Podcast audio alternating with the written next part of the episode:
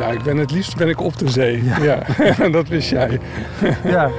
Maar ja, als je dan de mazzel hebt dat je in een kanootje eh, gaat, hè, of, of je hebt een zeilboot, eh, en, eh, da- dan kun je ook heel veel van die zeehonden ook echt zien. Ja. En die zijn ook vaak nieuwsgierig. Die komen achter je aan.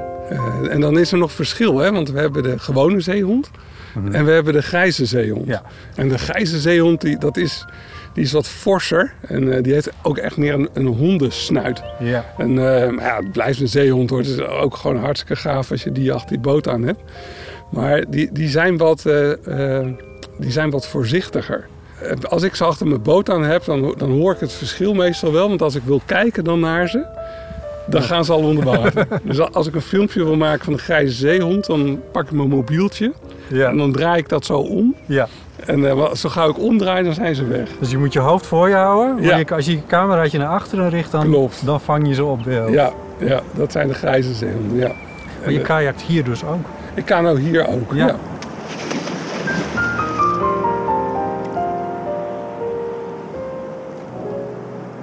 Welkom bij de podcast van Rijkswaterstaat. Mijn naam is Botte Jellema en in deze aflevering hoor je mijn ontmoeting met Rick Hoeksema. En eh, ik zit eh, vooral eh, op het eh, natuurbeheer en de monitoring, de natuurmonitoring van de Waddenzee.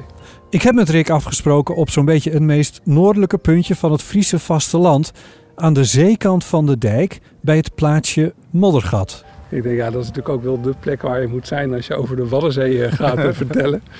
Dus eh, nou, we, we zitten hier eh, ja, eigenlijk tegenover twee van de Waddeneilanden. Als je, als je hier over de dijk zo kijkt, dan zie je Schiermonnikoog liggen. Ja. En nou, ja, De kenmerkende rode vuurtoren die Ja. daar staat op het eiland. Ja. klopt. Ja, gaaf hè? Ja. En dan, nou ja, dan, dan een stuk plas water. En dan, dan heb je Ameland liggen. Eh, maar we kunnen hier op een pad dat ehm, ja, eigenlijk de, de Waddenzee inloopt. Daar kunnen we naartoe. En dat komt omdat dit, tenminste zo heb ik dat altijd geleerd, dat dit een kwelder is. Ja, klopt. Dit is een, eh, een kwelder. Ja, eigenlijk was de Waddenzee veel groter. En eh, ja, die, Ja, wij hebben die dijken doorheen aangelegd Klopt, natuurlijk. ja, dat is het hele, hele verhaal. Dus eh, nou ja, je bent hier ook heen gereden. Ja, Dan rij je steeds kronkel, kronkel. Ja. Eh, en iedere keer kom je weer een dijkje tegen. Daar ga je overheen. ja, Ja, dit is eigenlijk de laatste dijk. Maar daarvoor hebben ze dan toch nog weer kwelderwerken liggen. ja. En eh, die kwelderwerken, je ziet ook die paaltjes. En nou, daar zit dennenhout doorheen gevlochten. En dat is bedoeld om slip vast te houden. Ja. En vroeger werden daar dus, eh, groeiden die kwelders ook. En dan had je echt landaanwinning. ja. Ja, en nu is het eigenlijk eh, heel veel ook natuur. En waar we nu gaan lopen, dat is echt eh puur eh, natuurgebied. Dus die kwelders die worden echt voor natuur eh, behouden. We lopen op een geasfalteerd pad dat de zee instrekt. Tussen een soort weilanden, een soort polder. Maar dan een die buitendijks ligt. Dit is eigenlijk het grootste echte wilde natuurgebied nog in Nederland. Als je, je hebt natuurlijk heel veel natuur nog in Nederland. Nou, dat zijn natuurlijk kleinere stukken. De Veluwe is hartstikke groot. Ja. Maar de Waddenzee, die is echt helemaal natuurlijk. Ja. Dus dat water dat stroomt in en uit met het eh, getij. En ehm, ja, dat is, dat is gewoon echt, echt gaaf. Daar heb je als mens ook geen invloed eh, op. Oh, kijk hier joh. Dode, dode eend. Is het een eend? Is het een eend geweest? Ja. Ja. Oh, Nou ja. Goed, dat is ook de natuur. ja. Dat er door je dieren liggen. Ja. Maar wist jij dat, dat die, de Waddenzee, dat die eh 50% van het oppervlak van de Nederlandse landnatuur, dat, eh, dat de Waddenzee zo groot is? 50% van de landnatuur van Nederland. Ja, Ja, dat is veel, ja, lijkt mij. ja klopt. Maar het is ook een gigantisch gebied. Het is echt heel erg groot en mensen vergeten dat eh, vaak. Ja, En, eh, eh, dus, dus als eh, natuurbeheerder van dat eh wad eh, ja, is het ook heel ingewikkeld zeg maar, om dat allemaal goed te volgen en dat in de vingers te krijgen. ja. En dat, dat is wel een hele mooie uitdaging waar Rijkswaterstaat mee bezig is. ja. Ehm, want wa- wa- wat is de positie van Rijkswaterstaat ten opzichte van het wat? Ik bedoel, ja, van wie is het wat, krijg je dan bijna als vraag. Maar Ja, nou ja, het wat is op zich eh, van het eh, Rijk. Hè? Dus ja, eh, dat is van ons allemaal. dat is van ons allemaal. En Rijkswaterstaat beheert dat voor het Rijk. Ja. En ehm, eh, nou ja, wij doen vanuit Natura 2000 hebben wij de verantwoordelijkheid om daar het eh, natuurbeheer te doen. Kan je even kort uitleggen wat Natura 2000 is? Ja, Natura 2000 dat is een, eh, een richtlijn vanuit eh, Europa. Ja. En eh, oh, kijk de ganzen daar. Wauw, Informatie. je hoort ze ook, hè?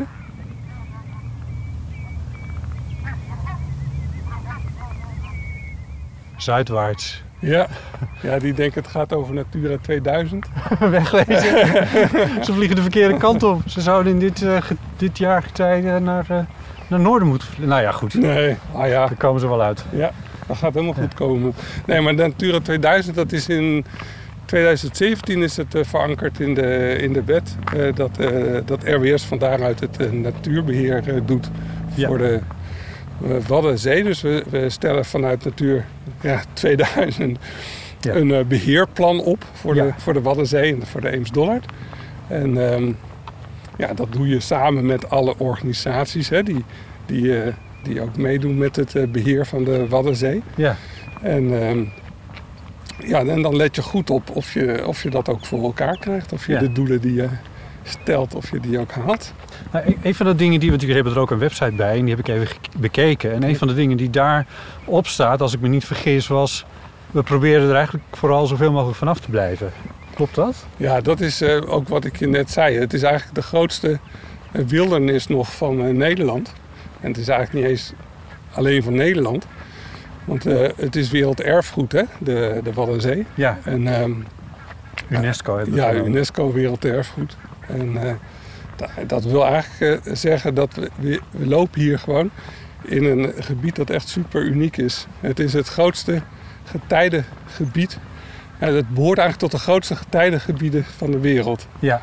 Ja. En eh, die nog helemaal volstrekt natuurlijk zijn. En, en dan met getijdengebied wordt dan bedoeld dat het bij laagwater ook gedeeltelijk droog komt te staan. Klopt. Ja, ik Eh. zeg droog, maar het is, ik kijk nu natuurlijk ik kijk uit op een enorme plas met blubber Ja, eigenlijk. Ja. prachtig? Het is, ja, vind je dat mooi? ja, ik vind dit echt geweldig. Ja, ja. Je bent een man van de zee. Je bent ook oud-biologieleraar, heb ik begrepen. ja klopt. Ja. Dus hier komen wel veel dingen bij elkaar wat dat betreft. ja, dat is echt super leuk hieraan. Ja, Omdat, eh, om, om voor zoiets moois eh, te mogen werken vanuit, eh, vanuit de RBS, dat is natuurlijk super gaaf. ja.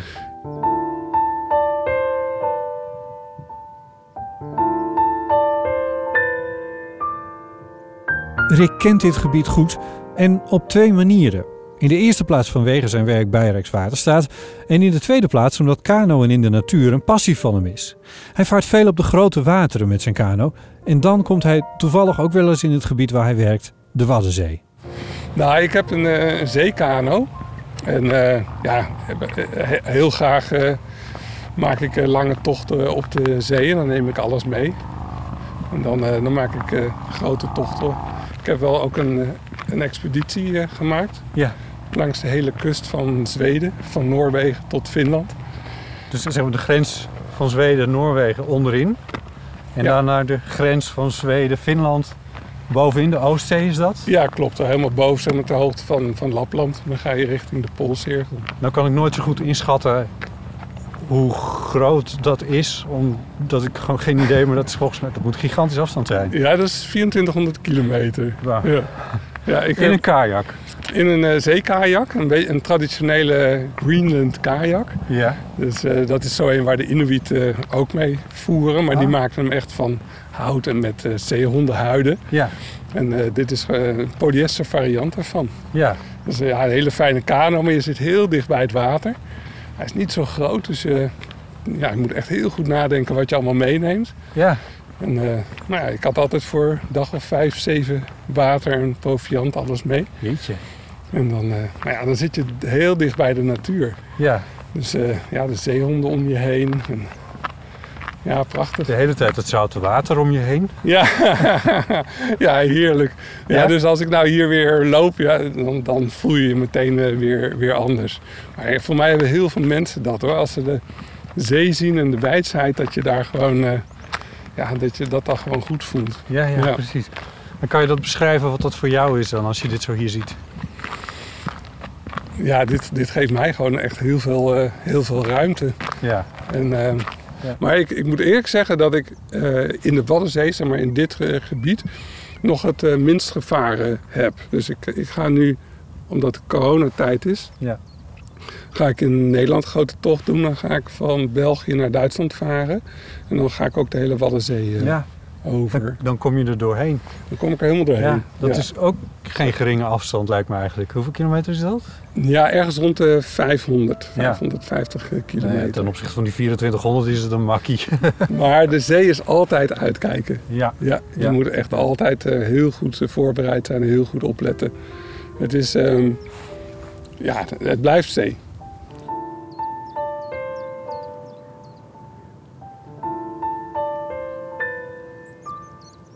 We treffen het met het weer. Het is rustig, de zon schijnt en we kunnen ver kijken en het is stil. De vooravond op het Wad, ongeveer een kilometer buiten de zeedijk. Er zijn een paar andere mensen op deze plek om de hond uit te laten, of zichzelf. En Rick en ik zijn onder de indruk van de wijsheid en de natuur. Het is wel een hele verantwoordelijkheid om dit gebied te beheren. Ja, maar dat, dat behoud van die eh, eh, wilde natuur Ja. van de Waddenzee, dat is wel echt een uitdaging eh, waar Rijkswaterstaat zich voor in wil zetten. En waar, waarom is dat zo'n uitdaging? Nou, omdat er zijn natuurlijk ook dingen die niet goed gaan eh, in de Waddenzee. Er zijn er bijvoorbeeld eh, vogelsoorten, eh, zoals de Noorse sterren en de visdief. Ja. En die gaan achteruit in hun broedsucces. Ja. En dat komt omdat ze in de kwelders, de nesten, niet tot goed broedsucces komen. Oh. Dus zijn de ratten en de vossen. Oh. Ja, en dat, dat, het probleem is dan dat mensen komen met het idee om kunstmatige eilanden aan te gaan leggen in de Waddenzee. Ja. eh, als broedgelegenheid voor die vogels. En dat is Waar de ratten en de, en de vossen niet kunnen komen. Klopt, ja. Dus dat, dat, eh, dat zijn natuurlijk hartstikke mooie ideeën. Alleen moet je dat wel afwegen eh, tegen de natuurlijkheid die je nu hebt van de Waddenzee. Want als je een niet natuurlijk eiland gaat aanleggen in de Waddenzee, dan grijp je wel in. En dat hadden we net gezegd, dat is iets wat Klopt. eigenlijk niet wil. Nee, en dat is ook wat eigenlijk indruist tegen waarom het werelderfgoed geworden is. Ja, Je wil die natuurlijke dynamiek, die wil je behouden. dit pad is ooit aangelegd, maar als het er nu niet lag, was het er niet gekomen. Dan was het er niet aangelegd. Nee. nee, Nee. nee, klopt. Nou ja, dat, en dat is, dus, dat is echt een puzzel en een uitdaging waar wij mee zitten. Ja. Dus daar willen we echt goed, in goed gesprek met, met iedereen die die mooie plannen heeft. Kijken of we ook eh, buiten, of ja, zeg maar aan de binnenkant van de dijk, Ja, ja, Of- op het land, landkant. op de landkant, zeg maar, of we daar niet eh, oplossingen kunnen vinden. En eh, omdat de Waddenzee is eigenlijk natuurlijk door dat indijken steeds kleiner geworden. Ja. En ja, het zou natuurlijk heel mooi zijn als je dit soort plannen kunt realiseren. Terwijl je het allemaal een beetje ruimer maakt. Ja. De zeedijk is natuurlijk noodzakelijk, maar het is ook een grote ingreep. Waar het land en de zee vroeger organisch in elkaar overgingen, doorsnijdt nu een dijk op deltahoogte het gebied. Met een goede reden, maar als je erover nadenkt, is het een enorme verandering in de Wadden. Nu niet meer ingrijpen, dat is volgens mij een goed streven. Tenminste, het klinkt goed. Ja, Maar we hebben al heel wat uitgefroten met eh, de Waddenzee. Ja We hebben er een afzetdijk doorheen aangelegd. klopt. Ik zie zelfs daar nu een boorplatform in de verte. Ja, die staat wel in de Noordzee. Die staat in de Noordzee. Ja, Ja, nee, die staat niet in, wel. niet in de Waddenzee. Ja, Maar ik weet ook dat er gas gewonnen wordt onder de Waddenzee. ja. Met schuin geboorde dingetjes of zo. Ik weet niet ja. precies hoe ze dat Nee, doen. maar er gebeurt van alles hoor. Ja. En er wordt gevist. En we hebben natuurlijk die enorme zeedijk aangelegd. Ja. Die, eh, en, dat zijn, en dat zijn echt hele grote ingrepen geweest. Ja. En de, de geulen in de, die, die veranderen nu nog steeds. Naar aanleiding van het aanleggen van de, van de afsluitdijk. Oké, Ja. nu nog. Ja, ja, Bijna 100 ja, jaar later. Ja, maar dat gaan nog... Nou ja, 100, maar het, dat gaat... Uit, eh, uit mijn hoofd 1932, ja, zoiets. Dus dat is bijna... Ja, het schiet al op hoor. het gaat hard. Het schiet al op. De, nee, maar heel veel mensen beseffen dat eh, niet. Want die zien dus nu dat er heel veel veranderingen zijn in, het, eh, eh, in dat deel van de, van de Waddenzee. Die, die geulen die, die zijn eigenlijk te groot zeg maar, voor die situatie. Dus die geulen die zijn nog nog, zich nog aan het opvullen. Ja, precies. Dus het, daar wordt het eh, ondieper nog. Ja. Ja. En Dat, ja, dat gaat voorlopig nog door. En, ja, eigenlijk moet je zeggen dat de veranderingen die wij als mens hebben gedaan met dat soort grote dijken, dat die de komende tijd eh, meer verandering veroorzaken dan de zeespiegelstijging.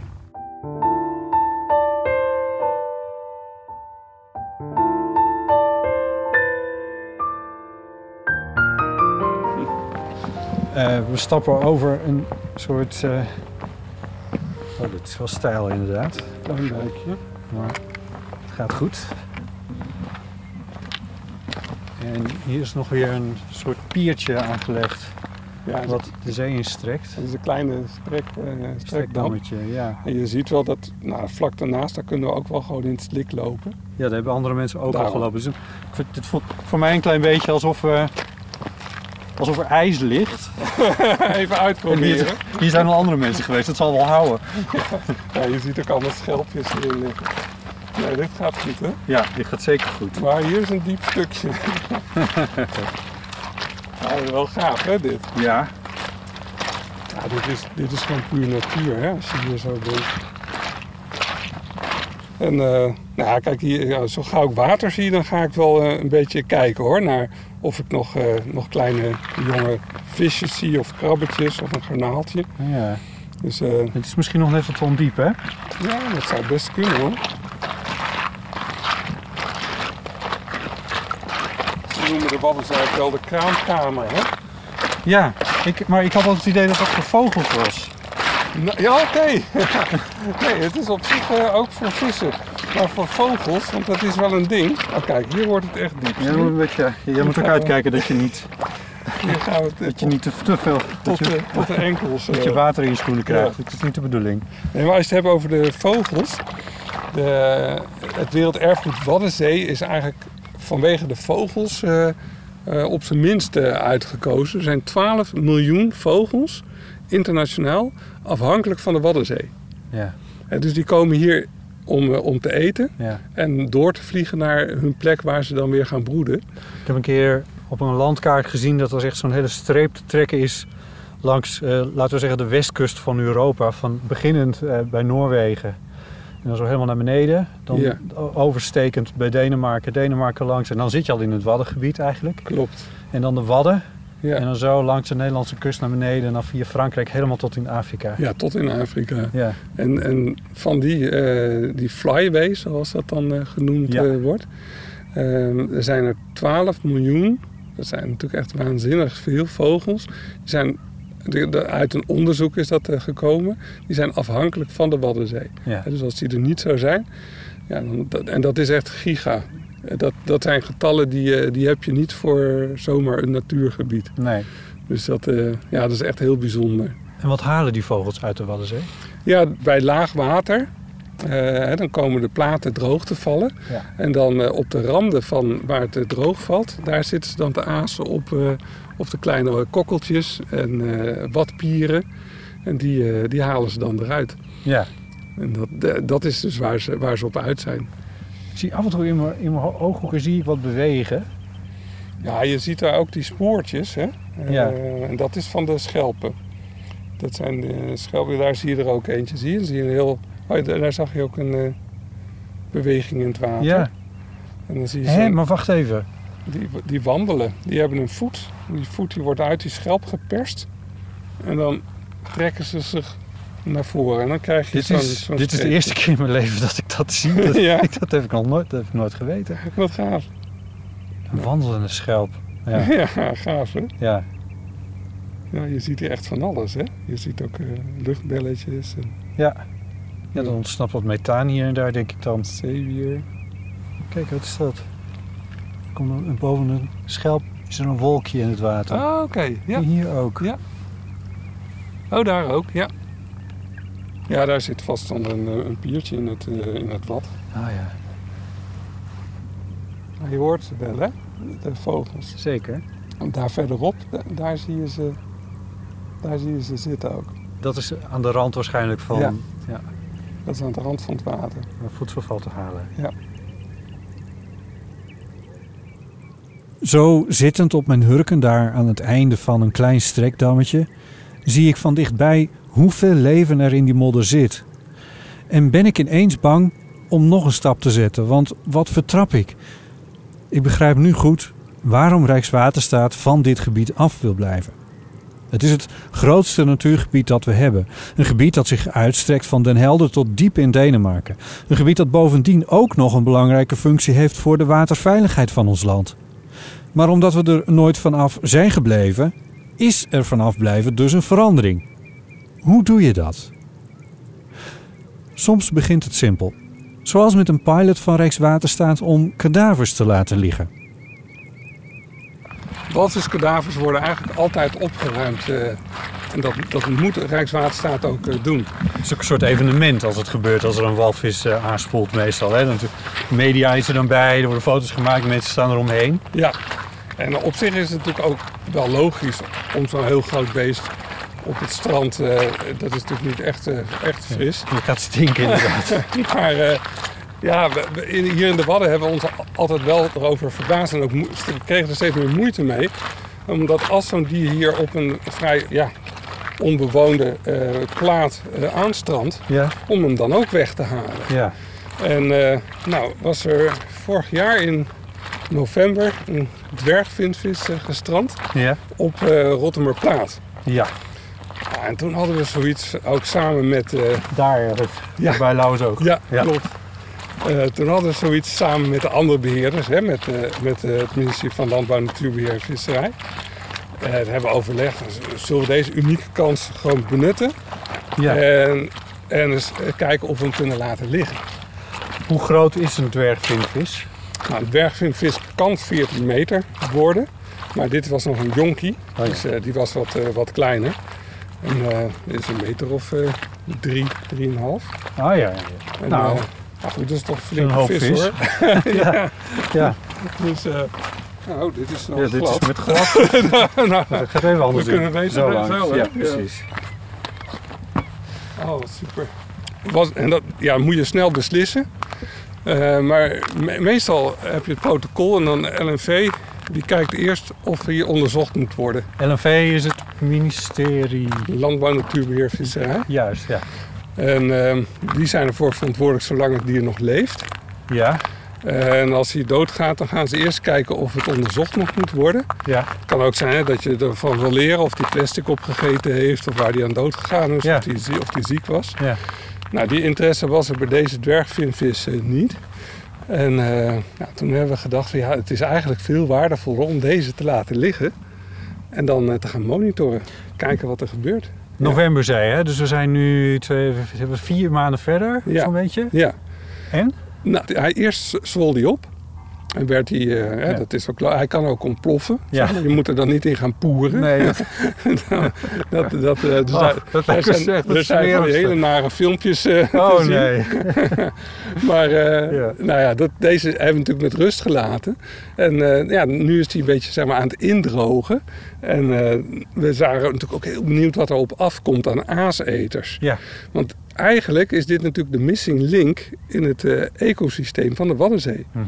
Ja, want we, we zeggen wel van ja, dit is natuurlijk helemaal natuurlijk. Maar ja, als je van die hele grote beesten iedere keer maar eruit haalt...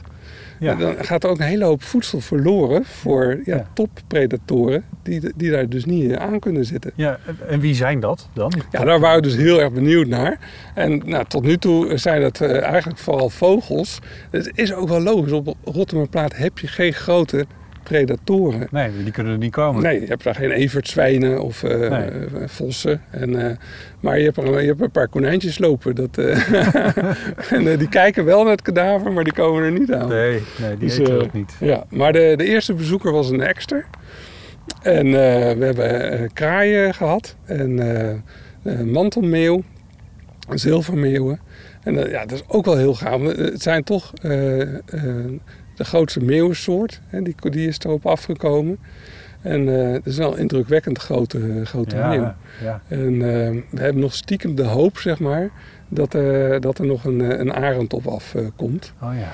Maar ja, goed, we, we blijven natuurlijk eh, nog even monitoren. Dus het kan nog gebeuren. Het is, het is de eerste ook nog maar. Ik bedoel, als, je, als ze nou weten op een gegeven moment van nou, daar liggen ze wel eens. Ja, Nee, klopt. Nee, dat zou zomaar kunnen. We hebben wel een buizerd gehad, die, eh, die is wezen kijken. Ja. Maar we weten niet helemaal zeker of die nou voor de, voor de, voor de walvis kwam... of eh, voor, voor de vogels die daar weer omheen zaten. dus dat... eh, Dan heb je dat weer. ja, Ja. maar het is wel heel erg gaaf. En je merkt ook dat de publieke opinie gewoon heel erg voor deze pilot eh, is. Ja? Want dat, dat wil je natuurlijk ook weten. Weet je, hoe valt dit? Ja. Maar mensen zeggen gewoon van... Vroeger eh, waren we over dood hout in het bos. Nou, dat vonden we allemaal maar niks. Weet je wel, dat moest, eh, Trokken moest opgeruimd Ja, worden. precies. dat eh, het bos moest netjes zijn. Dat doen we niet meer. Nee, dat is veranderd. Ja. En dat is eh, ook stap voor stap gegaan. Ja. En eh, dus hier en daar een skelet van een walvis hebben liggen op het eh, strand. Dat is misschien over tien jaar ook eh, gewoon. Ja. Ze hebben bij de dwergvinvis ook een camera opgesteld die ieder uur een foto maakt. Je kan het timelapse filmpje hiervan vinden als je googelt op pilot walviskadaver.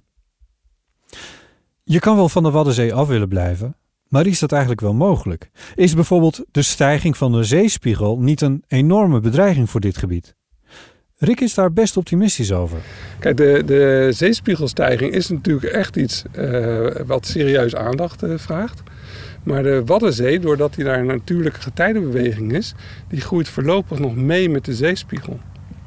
En dat is natuurlijk eigenlijk echt super gaaf dat dat gebeurt. Ja. Dus als de zee, de zee stijgt een beetje, nu is nu al een beetje gestegen. Ja, ja, Maar de Waddenzee is eigenlijk na vanand meegestegen. klopt. Dus er is meer sediment afgezet. Ja, Er is meer zand blijven liggen. ja, Dus eigenlijk heeft, heeft deze hoogte, die heeft te maken met zo'n beetje de hoogte van de zeespiegel. ja dat, dat houdt elkaar in, in evenwicht. ja. Dus als die zeespiegel wat stijgt, dan blijft er uiteindelijk wat meer slik liggen.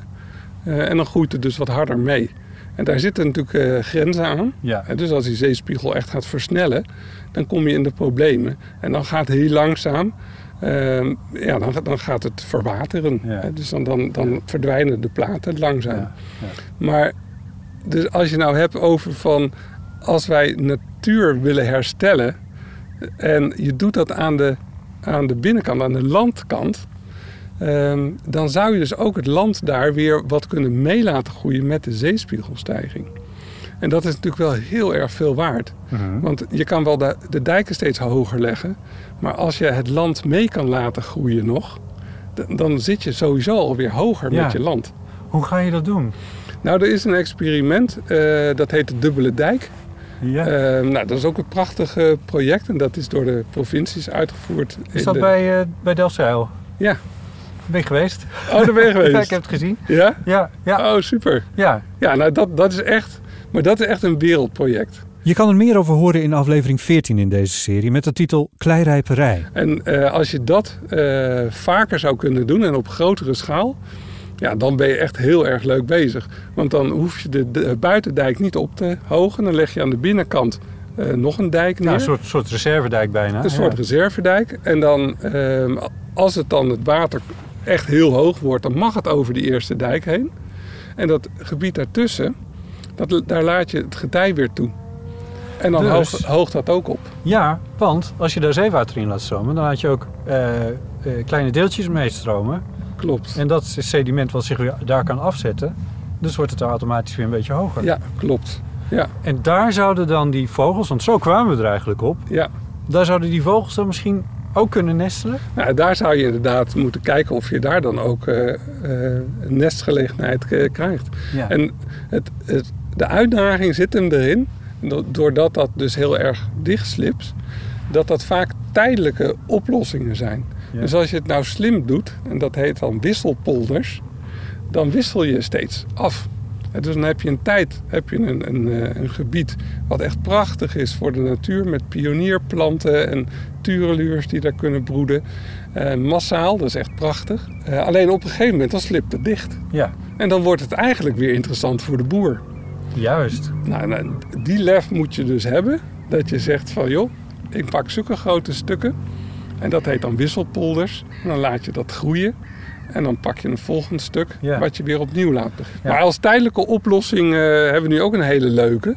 Want eh, Ik heb samen met de collega Denise uh, Roffel, dat is onze ecoloog uh, voor, de, voor de broedvogels, zijn we broedpontons aan het uh, uitproberen. Ja. En dat is wel heel erg tof, want die ideeën zeg maar, waar we het nu over hebben, ja, dat kost tijd. Ja. Maar die broedpontons, dachten we in één keer van, goh, als we dat nou snel gaan regelen, dan kunnen we misschien nog voor het broedseizoen twee eh, van die pontons eh, neerleggen. Oké. Een ponton is, ken ik als iets waar wat ingezet wordt bij bijvoorbeeld bouwwerken, waar bijvoorbeeld machinerie op kan staan. Dat zijn drijvende dingen. Ja. En hoe zetten jullie ze in dan? Nou, we- wat we gedaan hebben is, we hebben twee oude, dat heette praams. Dat zijn een soort eh, ja, dekschuiten. Ja. Ehm, en die hebben we opgekocht. En die worden op het moment zeg maar schoongespoten en helemaal opgeknapt. Eh, zodat ze er weer een paar jaar tegen kunnen. Ja. En daar komt dan een schelpenlaag overheen. En, eh, en eh, een klein grind. En, en gresbuizen. En een klein hekje. En dat, dat is dan de ideale plek voor sterns en Noorse sterns, om, eh, of visdiefjes en Noorse sterns, om daar op te gaan broeden. Dat, dat hekje is tegen de vossen, neem ik dan aan. Nee, de- Oh. ja, ook ja, eh, vossen, ratten. Maar het is ook dat de, dat de kleine pulletjes er niet afkukelen. Oh. en dan denk ik, ja, misschien, misschien als je mazzel hebt, nestelen daar twaalf stelletjes op. Nou ja, weet je, het is natuurlijk een, een druppel. Ja. Maar het, we voelden ons echt met de, met de handen op de rug. En, Ja. en dat voelde, dit is, dat dit is wat je wel goed. kon doen. Die eilanden aanleggen, dat kan niet. Nee, dit kan. Het kan ook zijn dat het net even een impuls is... waardoor die populatie gewoon weer meer body krijgt. Ja. Want er zijn ook wel plekken in de Waddenzee... waar ze best wel zouden kunnen nestelen. ja, Maar waar ze nu niet zitten. nee. En ja, dat Gewoon is omdat de populatie te klein is. waarschijnlijk. Ja. Maar dat, dat, ja, dat gaan we ontdekken.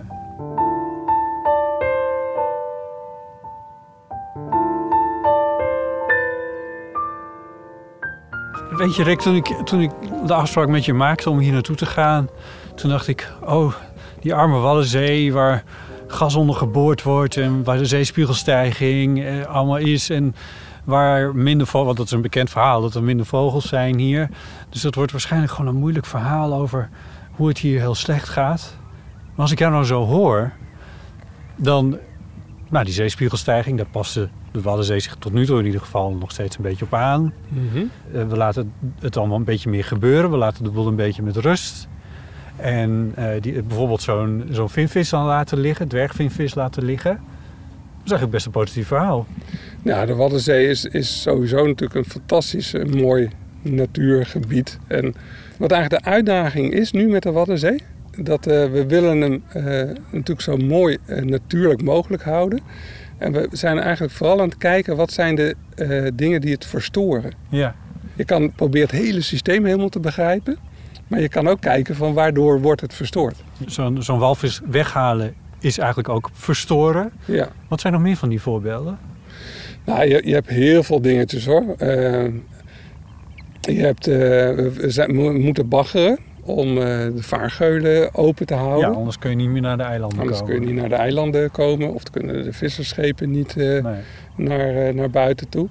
Nou, dat is natuurlijk ook iets hè, wa- wa- waarover nagedacht wordt, hoe je dat kunt veranderen en zo, zo min mogelijk kan doen. Ja. Hè, dus misschien andere schepen, of, daar wordt echt serieus Oh, over nagedacht. De schepen zelf ook, hè, waterstof wordt heel erg gepromoot. Want eh, schepen zelf die vervuilen de lucht eh, nogal. Ja, die, die stookolie, dat is niet het meest schone spul. Nee, dus eh, die pluim, dan, eh, dat kun Ja, je zo, eh, zo zien. En eh, dus waterstof, dat is eh, iets wat eh, gepromoot wordt. Nou, je hebt natuurlijk visserij in de Waddenzee. Ehm, de zandwinning, die wordt stopgezet in 2022. Dat, eh, dat, Volgend jaar. ja, Ja. dus dat is, dat is heel snel. Ja. Maar dat is, eh, ja, dat is, dat is iets wat al heel lang eh, was. En in de rest van Nederland eh, was dat al eh, stopgezet in dit soort gebieden. En ja, nu wordt dat hier ook afgebouwd. Ja. Dus dat is ook een vorm van, van verstoring wat je eigenlijk niet wil.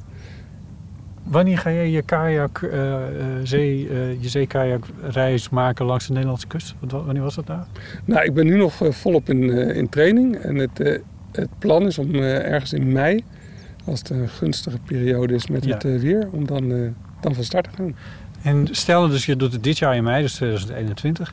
En dan uh, doe je het nog een keer in, um, nou wat zullen we zeggen, over, uh, over 20 jaar. 2041. Ja, het is een mooie end, maar goed. Ja. uh, hoe ligt, hoe, als je dan met je kajak over de Waddenzee gaat, wat zie je dan? Hoe ligt de Waddenzee er dan bij als het, als het jou ligt? Ja, en het ideale beeld, ik denk ook het ideale beeld van RWS hoor, dat, dat je dat de Waddenzee nog wat meer ruimte gekregen heeft. dus, dus dat ik uh, misschien met mijn met met mijn kanootje op een paar plekken de, de dijk door kan varen.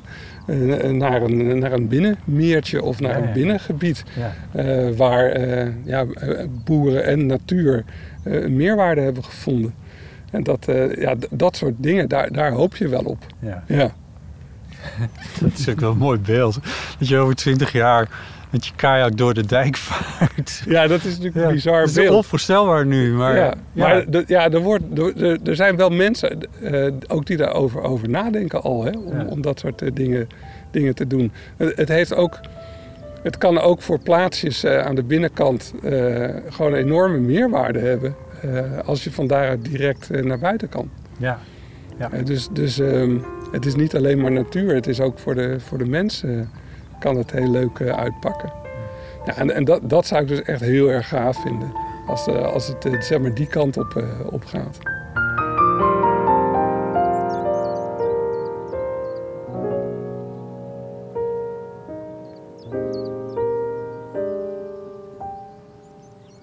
Je hoorde een aflevering uit de podcastserie over het werk van Rijkswaterstaat. En deze keer ontmoette ik Riek Hoeksema, werkzaam bij Rijkswaterstaat Noord-Nederland en hij monitort de Waddenzee. Bedankt voor het luisteren.